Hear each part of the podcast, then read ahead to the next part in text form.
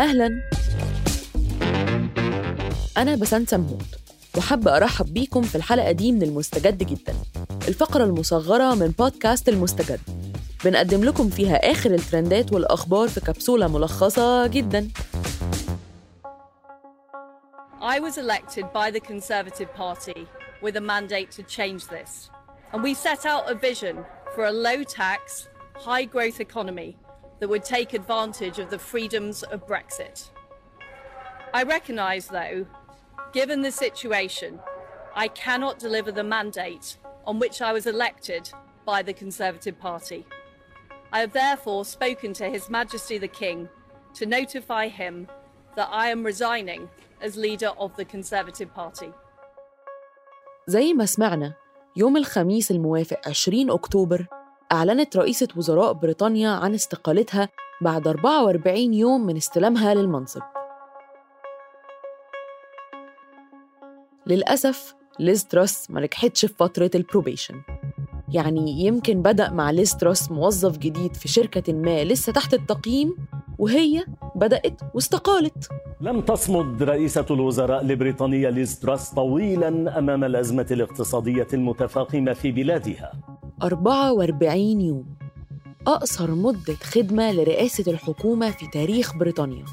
ما أظنش إنه ده الرقم القياسي اللي كانت ليز تراس عاوزة تحطمه. عارفين؟ تاني أقصر خدمة كانت من نصيب جورج كانينج سنة 1827 واستمرت لمدة 118 يوم. وما قطعش مدة خدمته إلا الشديد القوي الموت.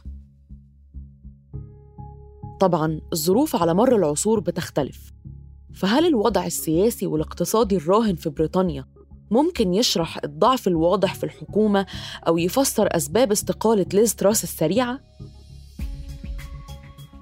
حاولت أفهم وأقدم لكم عصارة أبحاثي بحسب اللي لقيته فهو غالباً لولا وفاة الملكة إليزابيث في بداية خدمة ليز تراس كان زمان خدمتها أخدت وقت أقل من ال 44 يوم اللي إحنا مستغربين منهم. في فترة وفاة الملكة الحكومة البريطانية شبه بتتشل. بيكون صعب جدا اتخاذ أي قرارات كبيرة في فترة الحداد. لكن من ساعة ما ابتدت القرارات والدنيا مش على بعضها.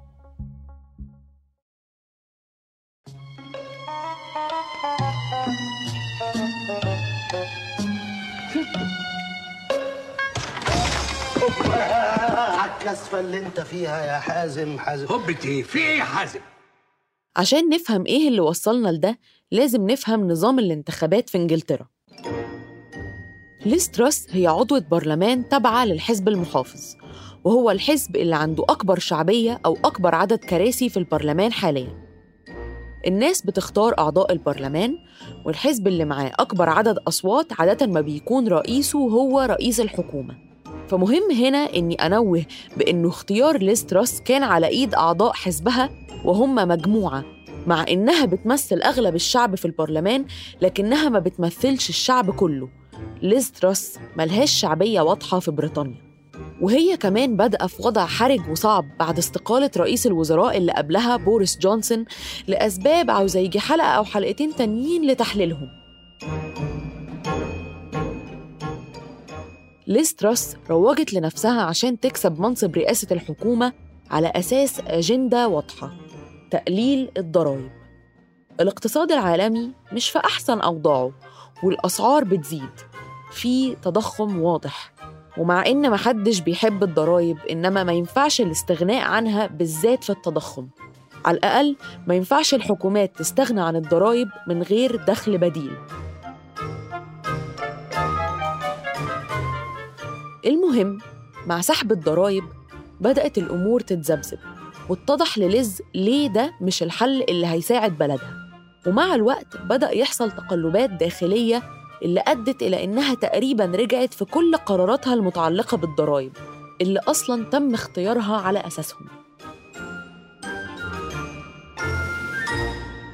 لما رجعت في كل قراراتها وبسبب مشاكل إدارية تانية بدأت تساؤلات تظهر وتزيد. انتي ليه لسه في المنصب؟ بسرعة فقدت ليز تراس شعبيتها اللي أصلاً ضعيفة ورفعت الراية البيضاء بالاستقالة طبعا في أسباب كتير أدت للوضع الحرج اللي بريطانيا فيه دلوقتي والأوضاع السياسية الحالية محتاجة تمعن وتحليل أوسع برأيكم بريطانيا رايحة على فين؟